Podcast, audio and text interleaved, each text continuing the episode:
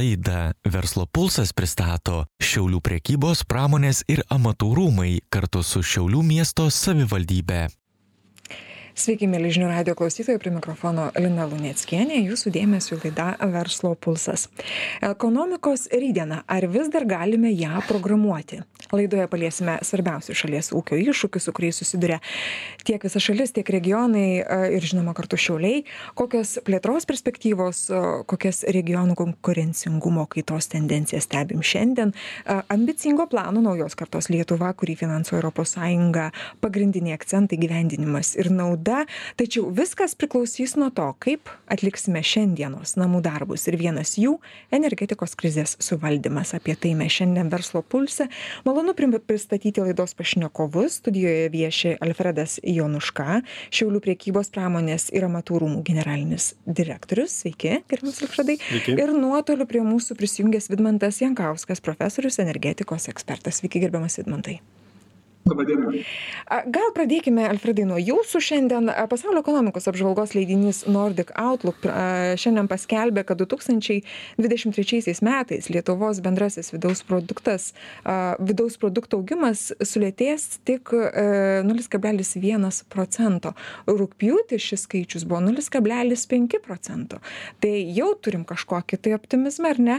Ir Europos komisija visai neseniai prieš porą dienų įvertino Lietuvos lietuvos pers e, perspektyvą būtent vidaus bendro vidaus produktas padidės šiais metais du kablelis penki procento. Tuo tarpu ne tokios linksmos prognozės estijai ir latvijai.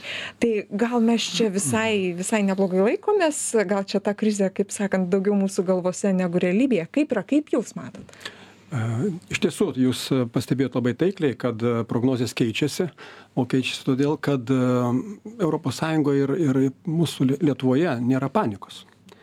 Sakot, čia psichologinis momentas. Čia ne, toks, galbūt ne psichologinis, bet panikos kodėl nėra.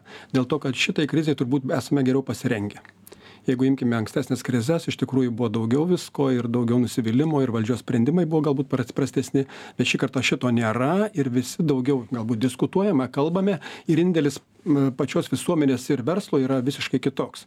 Ir galbūt dėl to kad ir struktūra verslo lietuvoje yra jau kitokia mes esame sakykim išskir skirtumas tarp estijos ir latvijos ir lietuvos yra tai kad mūsų mūsų verslo struktūra yra kitokia mes daugiau esame gaminanti eksportuojanti šalis ir ir be abejo ekonomika yra yra didesnė mes šiek tiek esame atsparesni visiem visiem pokyčiam. Esame šiek tiek pasirengę ir be abejo turėjom galbūt ir verslas turėjo šiek tiek ir to užsiauginę to to to riebalo šiokio tokio. Bet bet dar norėčiau paminėti kad ir regionai yra kitokie lietuvoje palyginus su kaimyninėm valstybėm ir mūsų regionas ir šiaulių miestas. Aš galėčiau paminėt tik vieną skaičių kad mes eksportuojame į sąjungos šalis aštuoniasdešim vieną procentą visų pagaminamų savo gamybos produktų tik devyniolika procentų į trečiąsias šalis o tai ir ir buvo būtų buvęs poveikis jeigu mes būtume eksportavę į į rytų šalis ir ir į į tas nedemokratines ir karą sukeliančias šalis. Tai dėl to mes esame kitaip pasirengę ir mums sakykim tai mažiau veikia tačiau kas mus veikia? Tai mus veikia e, visos išorės sakykim ir ir problemos tai ir ta pati infliacija e, tiekimo grandinių sutrukdymas su nutraukimas ir taip pat energetika kuri ženkliai kainos kilo ir be abejo mes žinom dėl ko tai kilo. Ir tiesa mes vat kaip tiktais šiomis dienomis kitą savaitę rengiame tarptautinę konferenciją kartu su šiaulių miesto savivaldybe pakviesdami socialinius ekonominius partnerius ir mokslininkus ir ekspertus ir diskutuosime kokia ekonomikos rytdiena ar vis dar galime ją programuoti. Nes kaip matote tikrai mes programavome planavome ir bvp ir kitus sakykim rodiklius labai pozityvius tačiau pandemija du metai stop E, visai visai ekonomikai sakykim stabdis buvo didis jungtas taip pat dabar karas karas karas ukrainoje kuris iš tikrųjų labai ženkliai paveikė ne tik lietuvos ar europos sąjungos bet ir pasaulines sakykim tiekimo grandines ir ir ir situaciją. Ir taip pat mes norime kaip tik diskutuoti viduje žemiau sakykim pačiame regione kad verslas socialiniai partneriai savivalda suprastų kaip mes turime rasti kokias išeitis. Tai yra mums svarbiausias uždavinys ir ir ir norėdami norėdami pagelbėti verslui orientuotis kaip išspręst tas problemas ir švietimo problemas gi trūksta kvalifikuotų darbuotojų kaip juos rengti ką daryt visa kita. Tikrai mes norime būti aktyvūs regione ir patys kuo daugiau prisidėti prie problemų sprendimo. Tai yra svarbiausias momentas. Na, o kalbant apie energetiką, tai vėlgi yra vienas iš pagrindinių iššūkių ir mes, e, sakykime, tik tais e, jau rūpiučio, rugsėjo mėnesiais, kada tikrai kainos labai stipriai augo ir pat pajutom, kad yra problema didžiulė, tai inicijavom renginius su ekspertais, taip pat su energetikos ministerija, ministru ir aptarinėjom tos klausimus ir tikrai mes piktinomės, kad valdžia žiūri šiek tiek į mus ne, ne kaip, jie kalba tik apie kompensavimą gyventojam, o verslam, tipo verslai turi turėti lašinius ir jų čia problema yra, bet mes vis dėlto mums pavyko įrodyti, kad tai ne verslo sukelta problema tai yra kaip pandemija ne verslo sukelta problema taip ir karas ukrainoj ne ne mūsų sukeltas ir ta tie visi iššūkiai kurie mūsų mum mus pasiekė tikrai yra yra yra visuotinė problema. Valstybės turime kartu išeit iš šitos krizės ir mus išgirdo ir jau žinome priemones kurias vyriausybė taikė sakykim verslam tai ir mokesčių atidėjimai ir galbūt paskolos ir kiti dalykai kurie tai tikrai dėl mokesčių sumažinimo čia ne nėra kalbos bet tai yra paprasčiausiai leidžia pasi toliau verslui gyvuoti kad nebūtų darbuotojų atleidimo, ypač regionuose būtų skaudu, jeigu darbuotojai būtų išleidžiami iš darbo arba ir taip toliau. Tai manau, kad tos priemonės tikrai pagelbės, tačiau išgirdome, kad ir bus kompensavimas tam tikras sakykim verslui dėl energetikos kas viršys kainą dvidešim keturi vėliau galbūt nuo metų dvidešim aštuonis centus už kilovatvalandę. Tai aš manau kad čia yra labai pozityvus žingsnis kad jau žinome faktus žinome kai ko kas mūsų laukia. O kai mes nieko nežinojome iš tikrųjų tada verslas buvo šiek tiek ir paniš panikoje nes mėnuo kitas ir jau būtų viskas sakykim jau būtų kalba apie įmonių uždarymą tačiau žinojimas keičia ar ne žinių radijo tai neįvyko ir ir labai labai džiugu kad tai neįvyko ir dabar mes kartu visi bandome iš to išgyventi. Ir aš tikrai džiaugiuosi džiaugiuosi e, Šiaulių verslo ir, ir regionų verslo pozityvumu, kai jie pasakė, e, sako, ne vieną kryžį išgyvenom, išgyvensim ir šitą. Tai reiškia, tikrai turime suglaudę pečius, e, lipti iš tos krizės ir dėl to mes, sakykime, norim, kad regione tikrai vyktų tokio lygio renginiai, kur galime prie vieno stalo verslas, savivalda, mokslas, ekspertai diskutuoti ir ieškoti išeičių. Vidmantai, na, e, energetika, aišku, neatsiejamas mūsų reikalas šiandien, ypač elektros kainos krenta žemyn ar ne atrodytų visai graži naujiena gera naujiena gerai nuteikianti naujiena e, kaip yra iš tikrųjų su, su mūsų energetika šiandien, kaip, kaip valdoma šita krizė ir, ir ko nepadaryta, kas padaryta ir ko, kokie iššūkiai labiausiai tikėtini. Na, tai čia yra ne mūsų krizė, čia yra tikrai globalinė, na, svarbiausia, čia yra Europos krizė. Tai aišku, tą krizę iššaukė tai, kad Europa turbūt per daug pasitikėjo partneriais iš rytų ir tapo labai priklausoma nuo dujų ir naftos ir elektros, na, tiekimo iš Rusijos. Ir dabar... Žavėjo, žodžiu. Taip, atrodo, kad garantuotas dalykas, visada vokiečiai sakydavo, na, palaukite, mes tai dar šaltojo karo metu, mes su Rusija prekiavom ir nebuvo jokių problemų, mes davėme vamzdžius, jie davė dujas, tai pasitikėjimas tas privedė prie to kad tiesiog prasidėjo panika kada rusija žingsnis po žingsnio stabdė dujų tiekimą galų gale visiškai sustabdė ir mes matėme kokios buvo dujų kainos šią vasarą e, rugpjūčio mėnesį. Tada europa buvo tiek išsigandusi kad bet kokia kaina pirko dujas kad galėtų bent jau savo dujų saugyklas užpildyti. Na matom kad ta ta programa pavyko kad dujų saugyklos yra užpildytos visiškai ir kad šią žiemą jeigu tik nebus ji labai šalta mes išgyvensim. Bet vėlgi tas jautrumas labai didelis rinkų. Reakcija yra menkiausiai menkiausias pokyčius. Mes turėjome šiltą spalio mėnesį šiltą pusę e, lapkričio ir dujų kainos buvo nukritę iki vos ne senojo lygio ir atitinkamai tempė iš paskos ir elektros kainas. Ir štai štai va tik truputį atšalo tai jau vakar jau dujų kaina vėl šoktelėjo į viršų taip kad čia ta rinka kol kas labai jautriai reaguoja ir ši žiema aišku bus tokia sakykim įtempta. Na o lietuva man atrodo pasirinkusi buvo teisingus kelius. E, dujų pasistatė savo e, dujų importo terminalą skystintų gamtinių dujų importo terminalą klaipėdoje nors tai mums brangiai kainavo buvo ten daug kritikos bet jis pasirodė dabar labai reikalingas ir juo naudojamės ne tik mes bet ir mūsų kaimynai ir latviai ir lenkai atitinkamai mūsų programa elektros energetikoje mano nuomone irgi buvo teisinga kad plėtėme savo jungtis su kaimynais. Na su lenkija čia jau toksai strateginis dalykas nes kadangi vis tiek vieną dieną turėsime susijungti su kontinentinė europa nes visiškai suprantama kad negalim likti rusijos sistemoje kaip kad esame iki šiol. Ir jung junkimės su skandinavija kur vėlgi mano supratimu buvo pati geriausia politika jungtis prie skandinavų nes jie turi pigiausią europoje elektros energiją. Nes jie gamina beveik visą elektros energiją arba atsinaujinančiose elektrinėse tai yra hidro vėjo atominės. Atrodė kad jie visiškai nepriklauso nuo iškastinio kuro. Bet deja tos rinkų integracija tai kad skandinavija nėra atsijungusi kad ji susijungusi tinklais ir e, su vokietija na bendrai su kontinentine europa ir netgi su didžiąja britanija tai lėmė tai kad pas juos irgi elektros kainos labai išaugo. Ir štai dabar mes turėjom tokį atsikvėpimą kaip jau sakiau dėl to kad oras buvo atšilęs deja prognozuoti kad šią žiemą lengvai pergyvensim ir elektros bus kainos neaukštos aišku sunku. Ir antras dalykas tai kad sunku europai taip pat susitarti kokiu būdu mes galime suvaldyti tų kainų augimą. Ir tai blogai kad kiekviena šalis daro savo žingsnius kad pirmiausia vokietija parodė nelabai gerą pavyzdį kada du šimtus milijardų skyrė paramai ir gyventojams ir ir pramonei kad išgyventų tą aukštas elektros ir dujų kainas. Atitinkamai Iberijos šalis, Portugalija ir Ispanija vėlgi taikė savo principus. Na ir dabar ES bandoma bent jau prieiti prie vieningų prie tikslų, vieningų priemonių ir tai būtų labai gerai. Mes irgi labai laukiam, Lietuva taip pat laukiam, kad galbūt sutarta dėl dujų kainų ribojimų dėl dujų kurios naudojamos elektrai gaminti kainų ribojimo tai galėtų mums sumažinti ir elektros kainas bet vėlgi diskusijos vyksta labai labai sunkiai labai vangiai.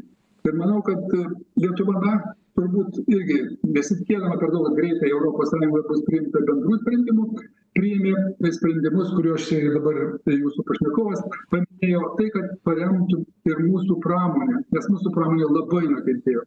Jūs matote kaip atsitiko achema tai yra didžiausiai mūsų dujų vartotojai kurie praktiškai suvartoja pusę gamtinių dujų lietuvoj suvartoja tai kai tos dujos buvo tokios beprotiškai brangios jie tiesiog negalėjo gaminti trąšų nes tos trąšos būtų buvę visai nekonkurencingos tai su tose šalyse kur dujos pigios gaminamomis dujomis. O tos dujos pigios visame šiaurės vokiet šiaurės amerikos kontinente. Ir mes ir ir ir achema na dabar dabar vėlgi pradėjo dirbti. Tikėkimės kad nesustos kad tos dujų kainos vėl nešoks labai aukštai. Bet tai čia tik vienas pavyzdys. Aišku tai atsiliepia ir kitiems gamintojams kitiems dujų vartotojams Gerbiamas Vidmantai, jūs sakote, kad e, energetikos krizė tai impulsas dideliems pokyčiams. Pagryskit savo šitą teiginį ir, ir, ir, ir tie pokyčiai, gal galite juos, juos įvardinti, kokie jie būtų, kad jie būtų na, tikrai naudingi, efektyvūs ir, ir, ir mums mus gelbėtų. Tai dabar tas, dabar į tą klausimą, tai taip, iš tikrųjų, kaip jau sakiau, Europos Sąjunga pamatė, kad ta labai didelė priklausomybė tiek nuo vienos šalies tiekimo, tiek bendrai nuo iškastinio kūro importo, nes ne tik tai dujos, bet ir nafta.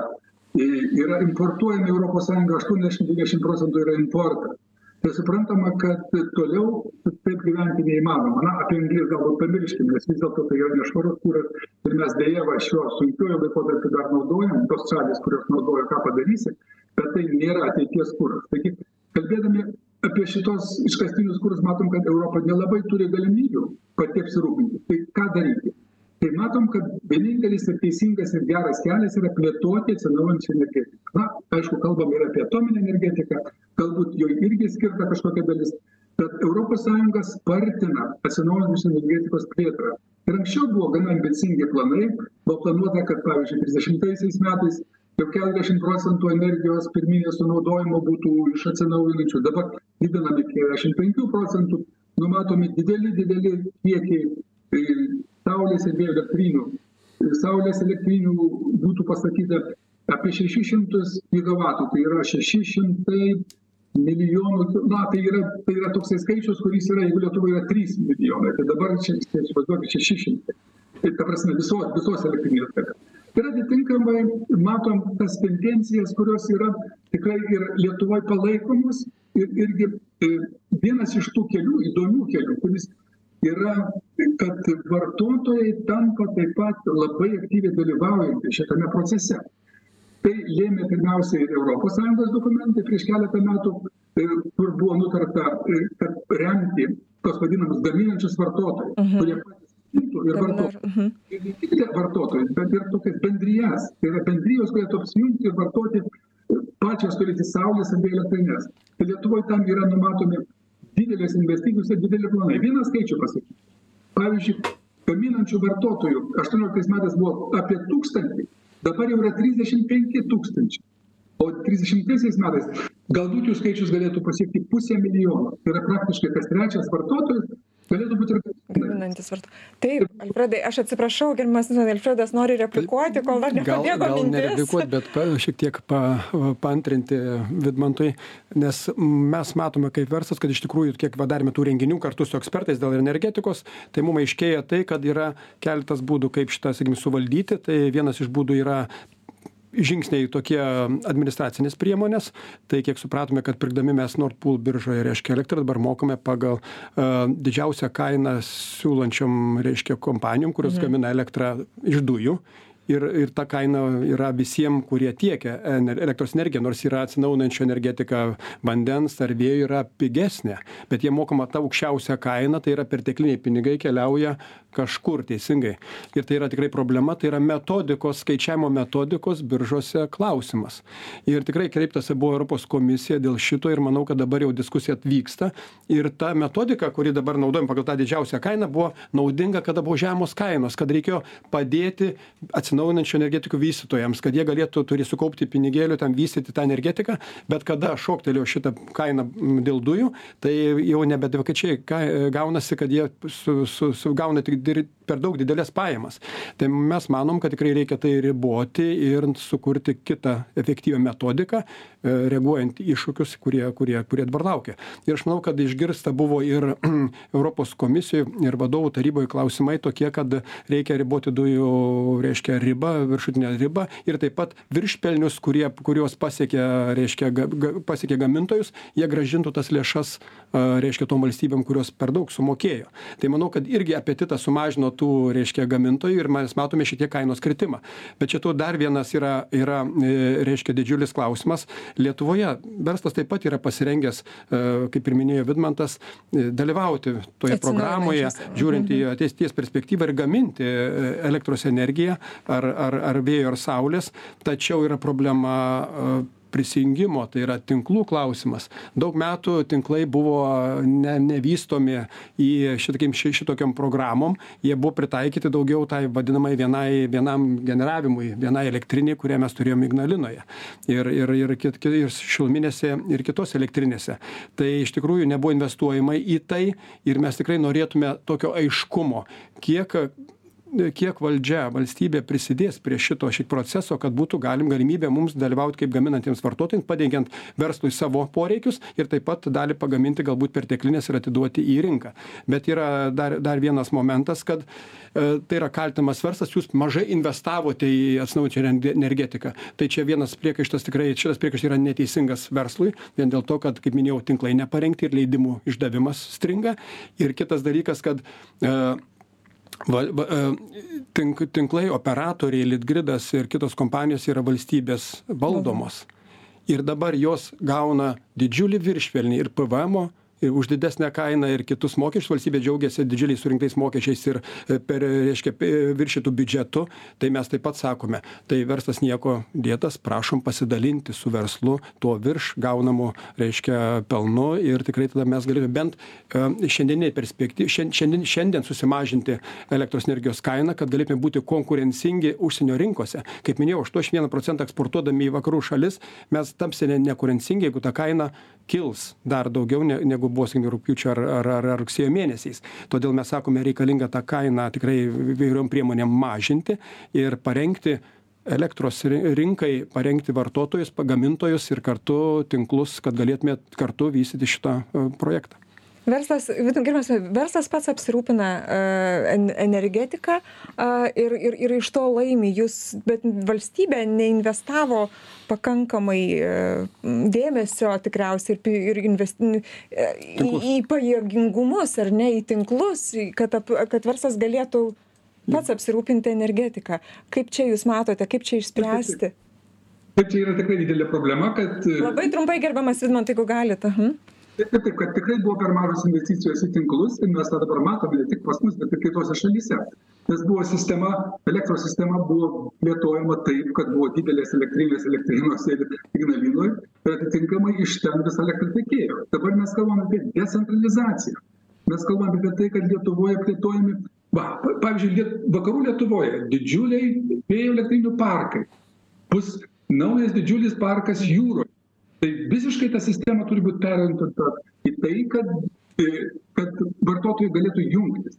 Aišku tai dideli pinigai yra tinklų plėtra litgrido plėtra planuojama dešimčiai metų. Tą plėtros planus patvirtina valstybinė energetikos reguliavimo taryba ir manau kad jie turėtų tą įvertinti. Na atitinkamai skirstomųjų tinklų plėtra vėlgi e, vystoma ir dalyvaujant taip pat ir vartotojam čia kartais vartotojai nepatenkinti kad jiems reikia prisidėti bet manau kad čia reikia suprast kad jeigu mes norime kad prijungti visus naujus gamintojus o tai tokių mes tikrai plan planuojame daug planai yra dideli ir žinome kad netgi problema dabar lietuvoj yra apie tai kad jau paraiškų yra daugiau paduota negu galima priimt tai manau kad čia reikalinga abipusė čia reikėtų pasitempt šitoj vietoj. Taip alfredai paskutinis sakinys ekonomikos rytdiena ar vis dar galime ją programuoti? Tai ar galime mes dabar ją dar programuot ar dar ne? labai trumpai. konferencija į tai atsakys. Aš tikrai ne turbūt atsakys visi diskusijos dalyviai kurie dalyvaus pranešimais bet aš manau kad tikrai mano jeigu asmenine nuomone tikrai įmanoma jeigu visi kartu diskutuosim kalbėsim ir ieškosim sprendimų o po to suprasdami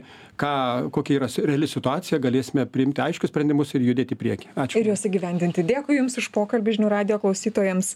Noriu priminti, kad šiandien laidoje Verslo pulsas dalyvavo Vidmantas Jankauskas, profesorius energetikos ekspertas. Dėkui Jums. Ir Alfredas Jonuška, Šiaulių priekybos pramonės ir amatų rūmų generalinis direktorius. Laidą vedžio aš Lina Luneckienė. Jūs ir toliau likite su žinių radio. Gražių Jums dienų. Laida Verslo pulsas pristato Šiaulių priekybos pramonės ir amatų rūmai kartu su Šiaulių miesto savivaldybe.